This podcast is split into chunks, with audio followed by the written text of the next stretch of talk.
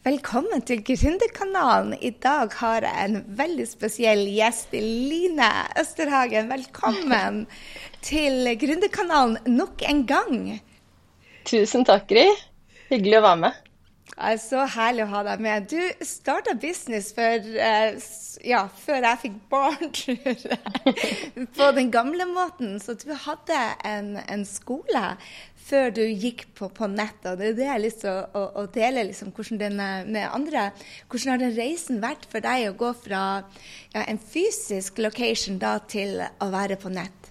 Kan ikke du først fortelle litt om hva du gjorde for noe før du gikk på, på nett? Går man på nett, egentlig? Dum ting å si. Ja, jo absolutt. Og og det litt morsomme var jo at jeg hadde jo prøvd meg litt på å gå på nett også, før jeg eh, på en måte traff deg, da. Men det lyktes ikke så veldig godt. Ehm, jeg, eh, jeg driver jo en skole som utdanner folk innen behandlingsformer på hest og hund. Massasje og stretching og akupressur og mye, mye mer. Og jeg holdt jo bare fysiske kurs hele tiden. Og jeg holdt kurs bare for de som ville ta en utdanning. Eh, og der krever det jo ganske mye mer. Og det førte jo til at jeg ja, jeg gjorde vel sånn den feilen som alle gründere gjør i starten. At du vil prøve å please absolutt alle og legge til rette for at absolutt alle andre enn deg sjøl kanskje skal ha det optimalt. Og så satte jeg opp kurser og utdanninger i minst fire byer i Norge. Så jeg reiste jo Trondheim, Oslo, Bergen, eh, Stavanger, pluss holdt kurser her på Hedmarken. Um, og det var mye jobb. Jeg jobba jo 40 helger i året, for selvfølgelig vil folk ha kurs på helg, sånn at det legges til rette for dem. Um, så det førte jo etter hvert til at jeg rett og slett uh, brant lys i begge ender, heter det vel. Og det, det gjorde at jeg måtte forandre ting. Eh, jeg sleit litt sånn smått med helsa også, sånn at eh, jeg måtte legge om for å få det til. Så hadde jeg jo prøvd litt å lage noen nettkurs, men jeg kunne jo ingenting om markedsføring eh, whatsoever. Absolutt ingenting. Jeg var ganske flink med hest og behandlinger og sånne ting, men skjønte meg ikke på markedsføring. Så helt tilfeldig egentlig så så jeg et webinar med deg, og da bare visste jeg inni meg sjøl at uh, det her må være det som er løsningen for meg. Eh, og så satte jeg i gang da, og la over i hvert fall all teorien på utdanningene våre. Vi har jo noen fysiske oppmøter på noen av utdanningene som krever hands on-trening. Eh, men alt det som på en måte var teoretisk, kunne legges over.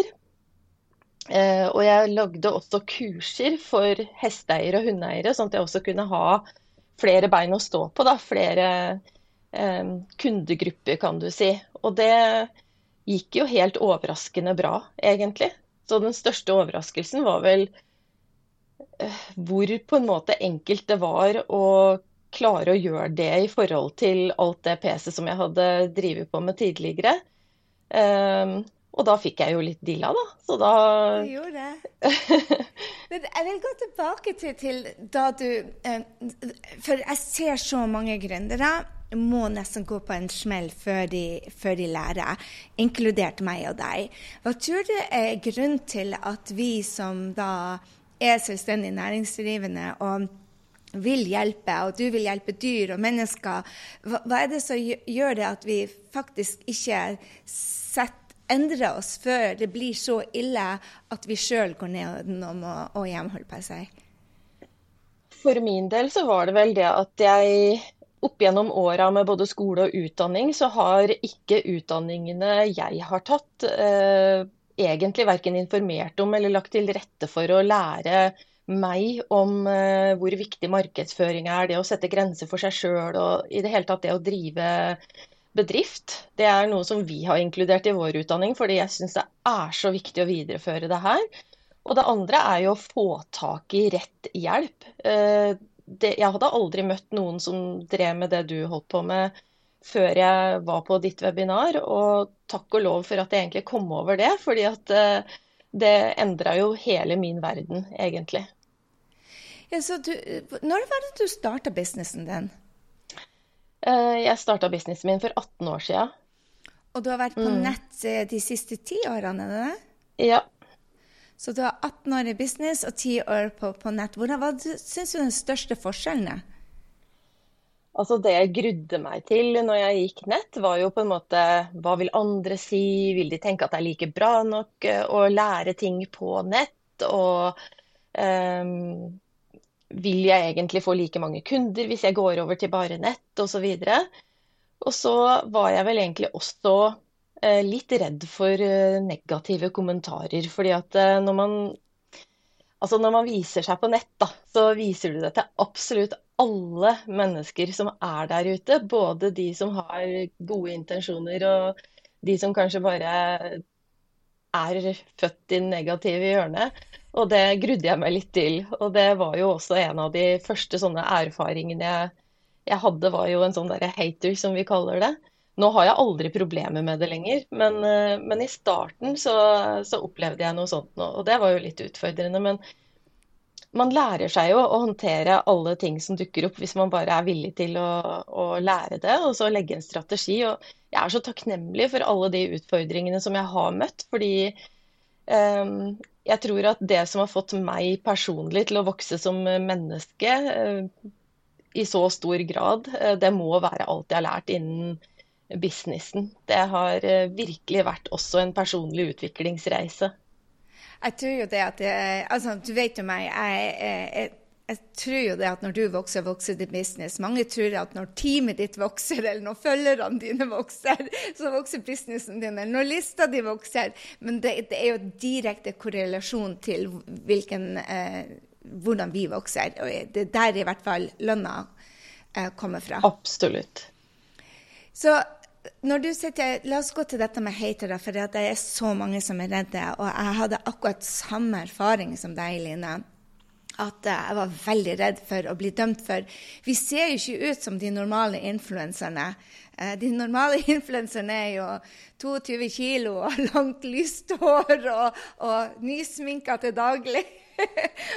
de er i hvert fall ikke på vår alder og, og har grått hår. Og, så, så hva, er det, hva, er det, som gjør det at, at uh, vi tør, eller du tør, å stå der ute og vises der ute og vite det at det er folk som har meninger. Og når de har meninger, hvordan kom du over den redselen da for at de ja, skal ha en mening om deg?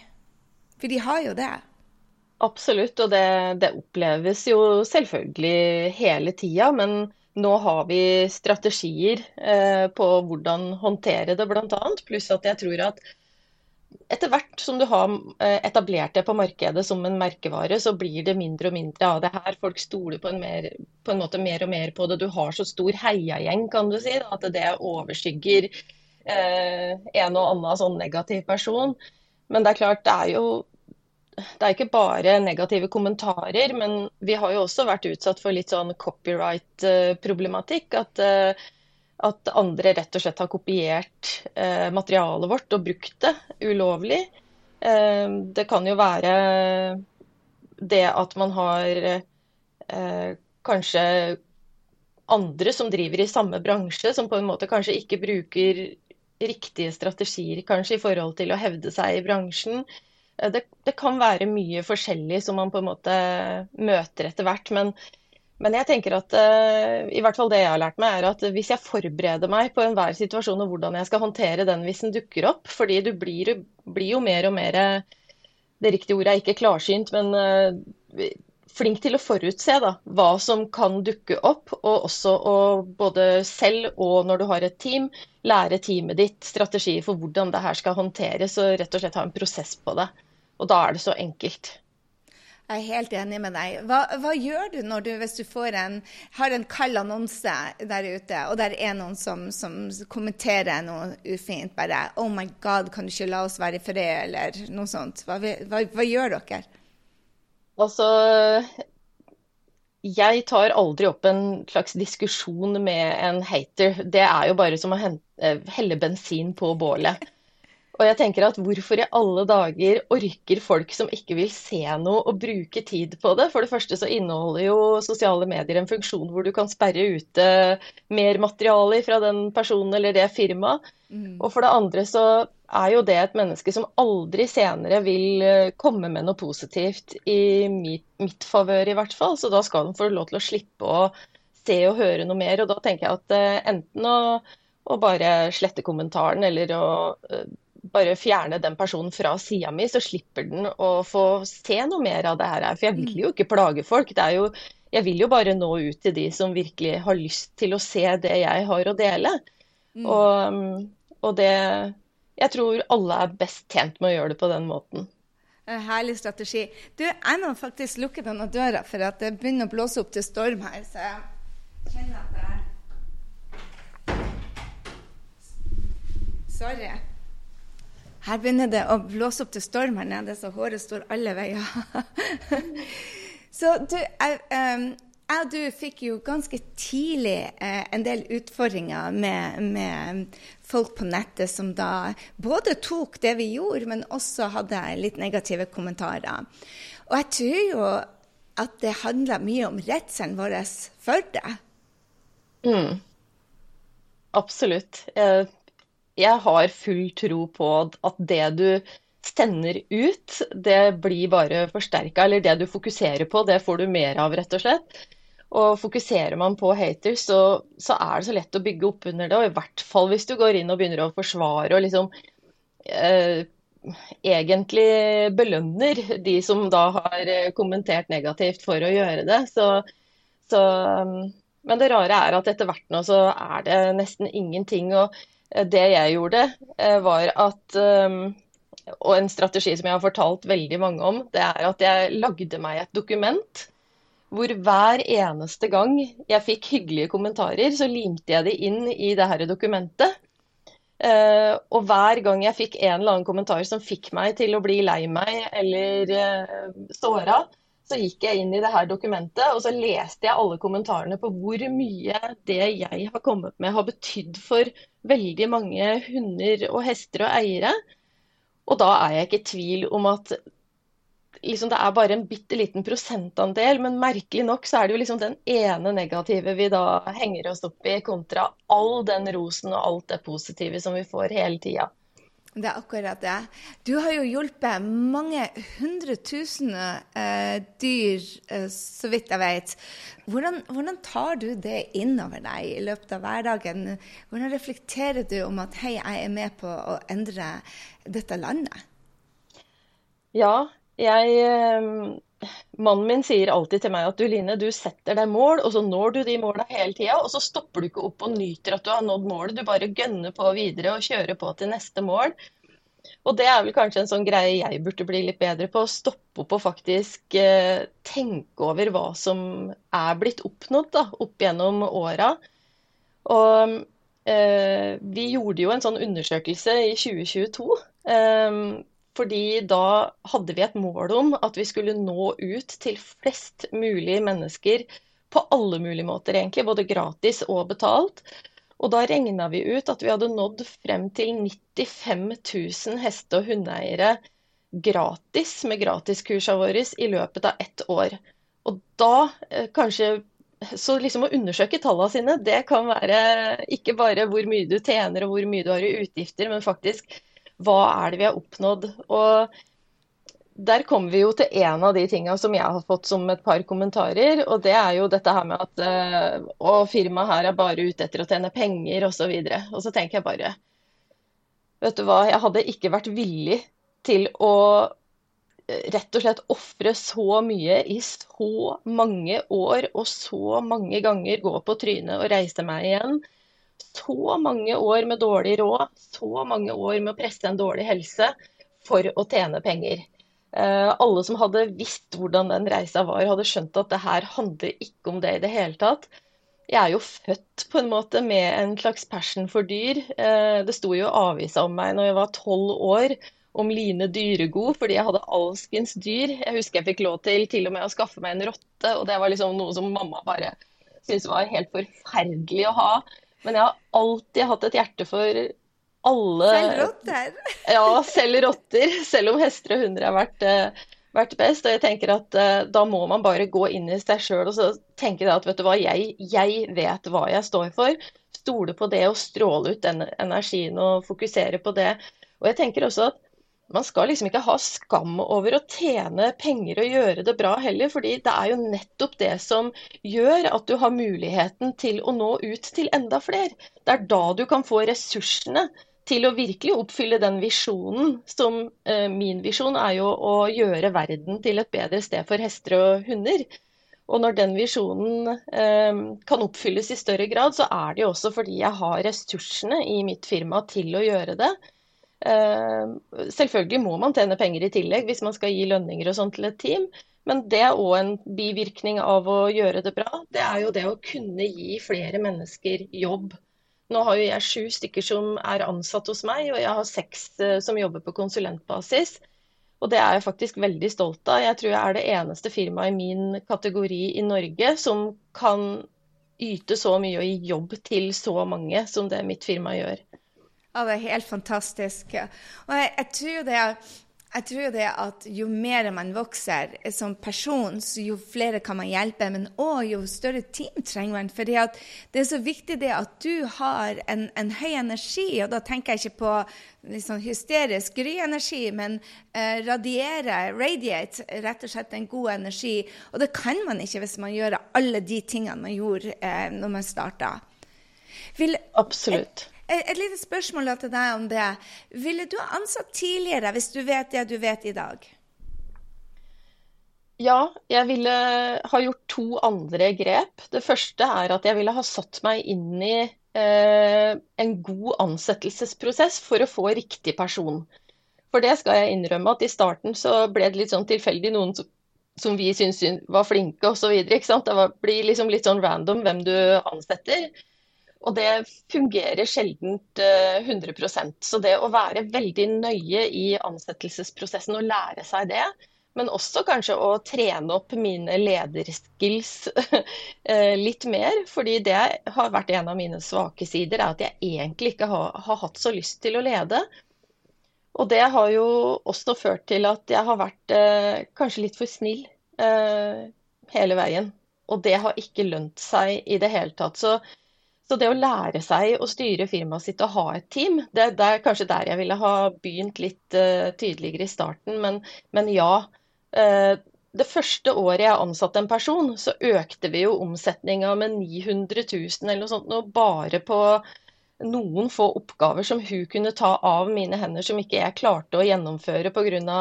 døgnets 24 timer, rett og slett.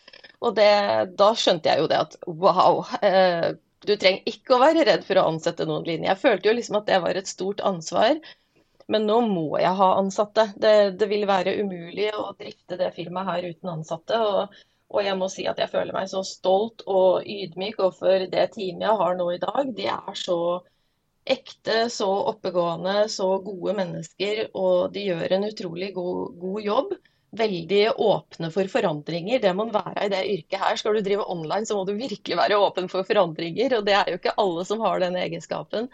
Så det syns jeg er, eh, det er helt fantastisk. Det, vil du si at det er en, en, stor forskjell på et team som er under sånn ca. 10 millioner, og et team som er over 10 millioner? For det har vært min største utfordring, at når teamet vokser, så måtte vi også gjøre en del ut Eller når, når businessen vokser i omsetning, så måtte vi gjøre en del utskiftninger. Og, og det, det å ta folk av team syns jeg er verre enn å få på team. Du, ja, det er jeg helt enig i. Det, det, er noe av det verste som er, er å på en måte gå ut av fornektelsen, kanskje, da, for det er jo det man havner litt sånn i. Og litt sånn frykten for at uh, du lar et uh, rom stå åpent. Og, og treng, jeg må bare legge til det at det trenger ikke å være det at uh, de menneskene gjør en dårlig jobb. Eh, det har det at eh, de klarer ikke å vokse med businessen. Og det, det, har jo også gjort at man må være litt mer forutsigbar og se inn i tid. Har dette mennesket eh, egenskapene som skal til om fem år, f.eks. Der jeg har tenkt å være om fem år. Og så gå etter det. For det opplevde jeg òg. Når vi nådde sånn rundt en åtte-ni millioner da fikk jeg en eh, episode hvor vi måtte rett og slett gjøre en litt endring i teamsammensetningen vår. Men etter at vi gjorde den endringen, så ble det veldig bra. Så det er absolutt håp. Men man må nok være klar over at det vil komme trinn hvor du må gjøre noen endringer i løpet av dette her med teamprosessen også. fordi det er ikke, det er ikke liksom bare å ansette noen. Det er eh, ganske mye jobb å lære opp eh, en ny person og, og få den integrert godt i teamet. Men det som er så herlig, da, det er at når teamet når en viss størrelse, så har du jo noen andre på teamet som kan ta deg av å lære opp disse personene som skal inn, i hvert fall til en stor grad. Og da da begynner det å på en måte flyte mer av seg sjøl, da. Men, ja, jeg har eh, holdt på nå i hva jeg fant ut jeg har vært gründer nå i 14 år. Og den siste ansettelsen som var gjort nå, var ikke jeg som gjorde. Og det var bare en sånn det var en sånn ærlig Ja, de tre siste ansettelsene er ikke jeg som har gjort. Jeg har vært med på å, å intervjue. Siste runden på intervjuet, men ellers er det ikke jeg som har gjort det. Og det har bare vært en utrolig eh, jeg vil si bør fra skuldrene mine. Mm. fordi at det er ikke talentet mitt. Og jeg tror det at vi som gründere må finne ut hvor er det vi skal bruke energien vår sånn til det beste for firmaet. Og da finne ut hvor er det vårt ja, talent ligger. Ja, ja absolutt. Og og jeg tror kanskje at uh, vi som er gründere og vi som starter opp en bedrift sånn, vi er veldig kreative mennesker. Og det er fort gjort ut i prosessen å bli kvært av alle sånne to do's, og så får du ikke levd ut den kreative sida på samme måte. Og det gjør faktisk at man ikke blir den versjonen av seg sjøl som en vil være. fordi at uh, det er, i hvert fall for meg, uh, det drivstoffet jeg går på. Det er å få lov til å være kreativ, få lov til å eh, drive med den delen som liksom jeg egentlig elsker, og så at jeg får lov til å sette bort eh, de andre delene. Fordi det finnes jo andre mennesker som elsker regnskap og økonomi, tro det eller ei, men det gjør jo faktisk det. Og da, og da er det så fantastisk at, uh, at, vi kan ha en som elsker hver sin rolle i de rollene, og så slipper jeg å gjøre det. Det er, det er deilig. Jeg har ei som elsker å svare e-mail, og, ei, og så legger inn reiseregningene mine. Så jeg bare, bare det, Eller jeg gjør ingenting. Det bare dropper inn i innboksen hennes, og så er det tatt hånd om, og jeg får utbetaling. Og for meg er det bare sånn her Er det virkelig mulig at noen elsker det? Men ja. Eh, jeg bruker å si det at mammaen min likte faktisk å stryke klær, og det syns jeg, det var da jeg skjønte det, at vi alle hadde ikke eh, samme egenskaper. Men Line, hva er det når du starta opp, hva var den største utfordringa du hadde i businessen din i forhold til de største utfordringene du har i dag, nå når businessen din er, er, omsetter mye mer enn da du starta, og ikke minst har veldig mange ansatte og veldig mange kunder. Hva, du, ja, hva, hva slags utfordringer hadde du, og hva er det du står i nå? Det som jeg hadde som utfordring, var at jeg måtte gjøre all eh, jobben, og at jeg måtte spre meg og jobbe veldig mye mer enn det jeg kanskje trenger å gjøre nå. Eh, jeg nådde ikke ut til folk på en riktig måte, og jeg verdisatte kanskje ikke mine tjenester og meg sjøl på den måten som jeg burde ha gjort fra start, sånn typisk damefenomen, kanskje. Hva, hva ehm, tenker du på når du sier det? Var det prisene, eller var det Både både priser og, og, kanskje verdien på produktene. De sto ikke i stil i det hele tatt. Ikke bare det at man kanskje fortjente å få litt mer for jobben man gjorde, men også at produktet er verdt så mye mer. Mm. Uh, når jeg forteller folk i dag, fordi at alt er jo et perspektiv, og en utdanning hos oss ligger på kanskje 50 000-60 000 for et år. Og det er faktisk veldig billig til å være en privatskole, hvis man undersøker litt rundt. Og som jeg sier til de som utdanner seg, du trenger å jobbe på fulltid i ca. tre uker, og så har du tjent inn igjen investeringa di. Og når jeg sier det på den måten, så skjønner folk eh, eh, egentlig at det er verdt en investering, ikke sant. For det er ikke så vanskelig å få til. Så jeg, jeg turte kanskje ikke å sette de prisene. Så det å ha selvtillit også og, og, trygghet, vite mer om markedet, vite mer om markedsføring, det var det jeg trengte aller mest. Og jeg kjenner meg så igjen i det du sier, Line. For da jeg starta mastermind i Norge, så tok jeg 100 000. Nå tar jeg vel over 200 000. Men da jeg starta det, så var det alle kom til meg bare Hvordan kan du gjøre det? Det koster jo like mye som et halvt år på BE.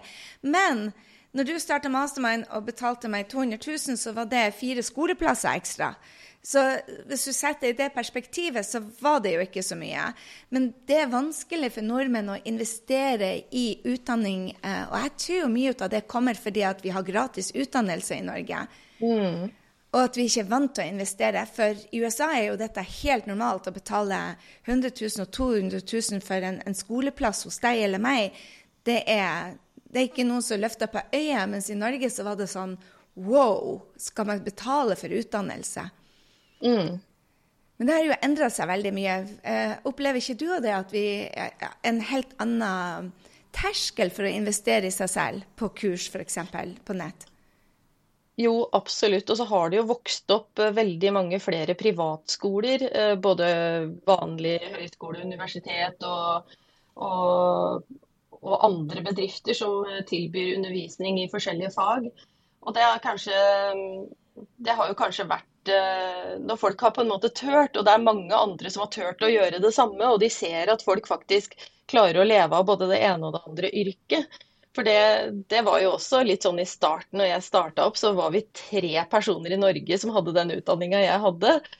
Og, og, det tok jo liksom litt tid å få markedet gjort oppmerksom på at vi fantes og hva vi kunne gjøre osv. Og, så og jeg jeg, jeg, tror jo også det at, eh, det at jeg fikk den kunnskapen nå, før jeg virkelig starta en større business, det har gjort at jeg kan gjøre mine eh, elever oppmerksom på det her og hjelpe de litt i gang med riktig tankegang og, og tankesett. Og det har gjort at veldig veldig mange har klart å lykkes med å skape seg et yrke ut av det. Og det, ja, det er fantastisk å tenke på. Ja, for når vi starta for lenge siden så var det mer å gjøre markedet modent for eh, mm. online, og markedet modent for å ta en utdannelse. Mens nå er jo mm. det med online-kurs blir veldig eh, hipt, og, og, folk sier bare 'å nei, det er kommet til markedet overmetta'. Men, men, jeg tror vi bare har en forskjellig utfordring. Vi måtte gjøre oppmerksom på at her er en mulighet. Mens når du starter nå i dag, så er muligheten der. Du må bare tørre å, å vises enda mer mm. enn kanskje vi mm. trengte å gjøre. For alle hadde øynene på oss siden vi da var først, mens nå Vi har alltid utfordringer på, på hvert stadie av en business og ethvert stadie på et marked. Mm. Og jeg, jeg, tror eh, jeg elsker å ta online-kurs sjøl. Når du har en travel hverdag og kan eh, gjøre det her i fred og rod og i det tempoet du vil sjøl, i hvert fall ganske. Eh, og, og kan være, sørge for at du er uthvilt hver gang du skal lære noe nytt, f.eks. Og jeg har til og med laget en egen eh, nettside på vår eh, hjemmeside som handler om dette her med hva kan være fordelene med å studere online. fordi at det er mange som lurer på det, som kanskje ikke har eh, studert online før. Men det er jo så mange fordeler. Det er jo eh, Når du er i et klasserom da, sammen med en lærer og skal lære en praktisk teknikk med hendene dine, så er man kanskje på et intensivkurs, og du lærer 30 nye massasjegrep i løpet av en helg. Eh, studier viser jo at en elev får med seg bare ca. 60% av det som blir sagt på et fysisk kurs. Mens når de har alle ting på video online i tillegg, så kan de sitte og studere lærerens arbeidsstilling, tempo, Eh, detaljene på teknikken. De kan sitte sammen med dyret sitt, eller hvis det er et menneske, og det gjøre det på det mennesket som, eh, som er ved seg, og rett og slett bli mye bedre. Så det som er veldig morsomt, er jo at vi har hatt uh, økt kvalitet på våre elever når de er ferdig, ved å kjøre den hybridmodellen, da, der det også selvfølgelig er avhengig av å ha noen praktiske uh, kurs sammen med lærer. Men jeg ser bare bare positivitet i det. Det er kanskje litt høyere krav til selvdisiplin på faktisk se og øve seg på de tingene. Og at man må være selvstendig nok mm. til å ta tak i og gjøre det hjemme. Men bortsett fra det, så ser jeg bare positive fordeler med det. Jeg er helt enig. Hva syns du er de største utfordringene dine nå? Hva er det du møter? Jeg skal ha en, en coaching med, med en, en, en, coach til meg nå, og sa bare OK, hva var de største utfordringene dine for fem år siden, og hva er de nå? Og det har endra seg veldig med at jeg vokser, så vokser businessen. Hva er dine største utfordringer akkurat nå? De største utfordringene, det er vel egentlig um, kanskje at vi har nådd et punkt hvor eh, vi er nødt til å lære mer. Fordi at eh, når du driver en business, og så kommer du til neste nivå, så kan du ikke fortsette å gjøre det du gjorde for å komme til det nivået, for å komme til det neste nivået igjen. Du må faktisk level opp, både på kunnskap og markedsføring osv. Så, videre. så du blir liksom aldri utlært i den prosessen. Og da må du ha et team som også skal lære alt dette her. Ehm, så nå har vel vi kommet til et nivå hvor vi ønsker også å prøve oss litt på det internasjonale markedet. Så nå driver vi om å lære mer, mer om det. Og den andre utfordringen jeg har, og som jeg kanskje alltid har hatt, det må kanskje innrømmes, det er jo å klare å begrense meg, da. Klare å begrense på å ha fokuset på eh, færrest mulig områder, sånn at vi jobber med ett og ett eller to og to områder om gangen i teamet. Fordi det er vel litt sånn med oss kreative folk at det er fort gjort å gape over litt for mye. At vi vil liksom litt for mye, og ikke har tålmodighet til å ta det litt step by step, da. Jeg kunne ikke mm. vært mer enig med deg.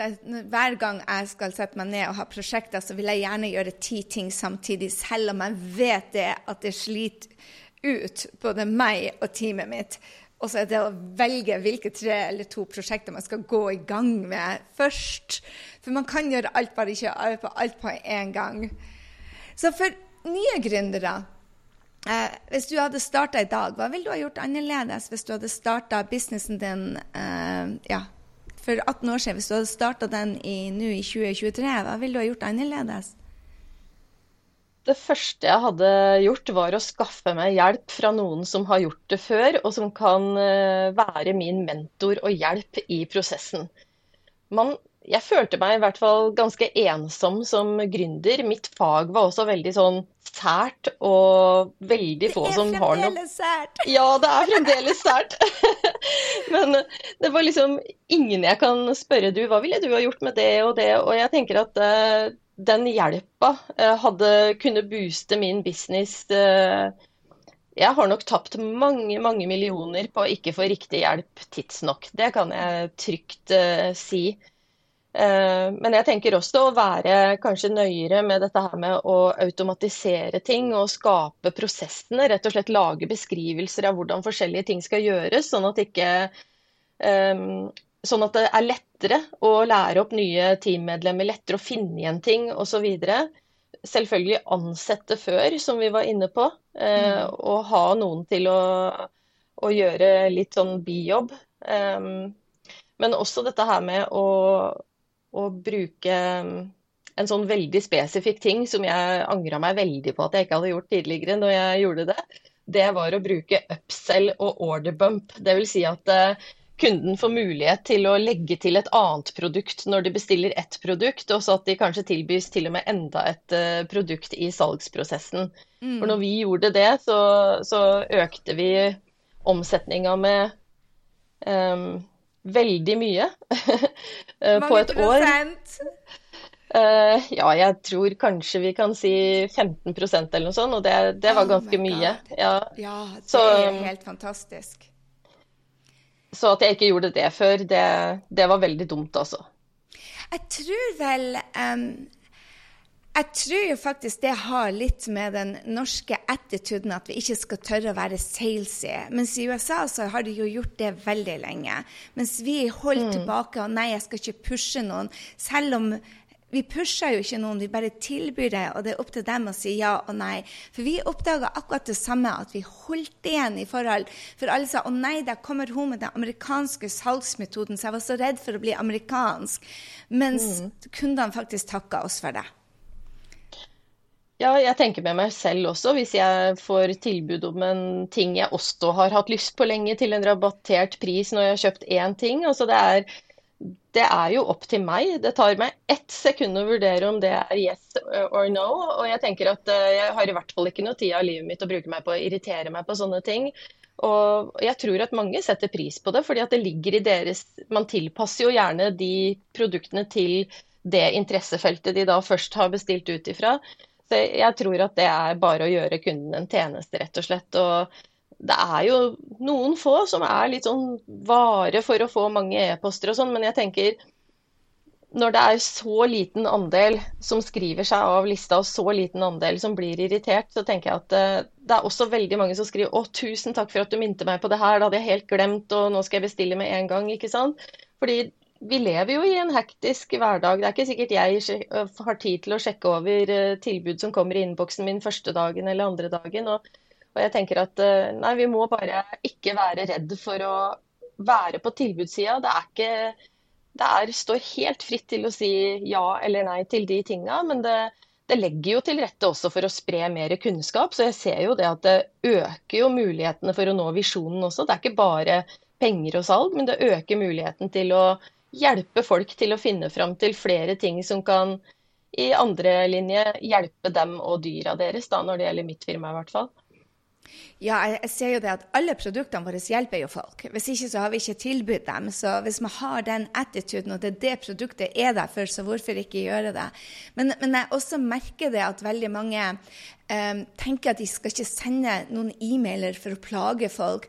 Vi ser jo på statistikkene det at uh, det har endra seg veldig. Før så kunne folk være år på, på, på lista vår nu, eh, før de kjøpte, mens nå kjøper folk fortere fordi at de er blitt vant til denne måten å ta til seg kunnskap på. Så, så markedet er jo i en stor endring også.